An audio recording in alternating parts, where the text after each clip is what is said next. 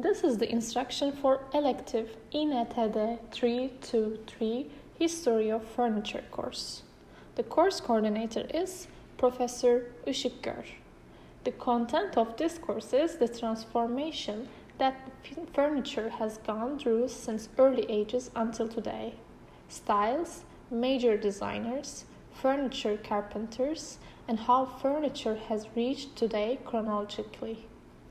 The goals of this course is providing the students with the types and comparisons of furnitures which occurred in accordance with different art movements and various architectural periods.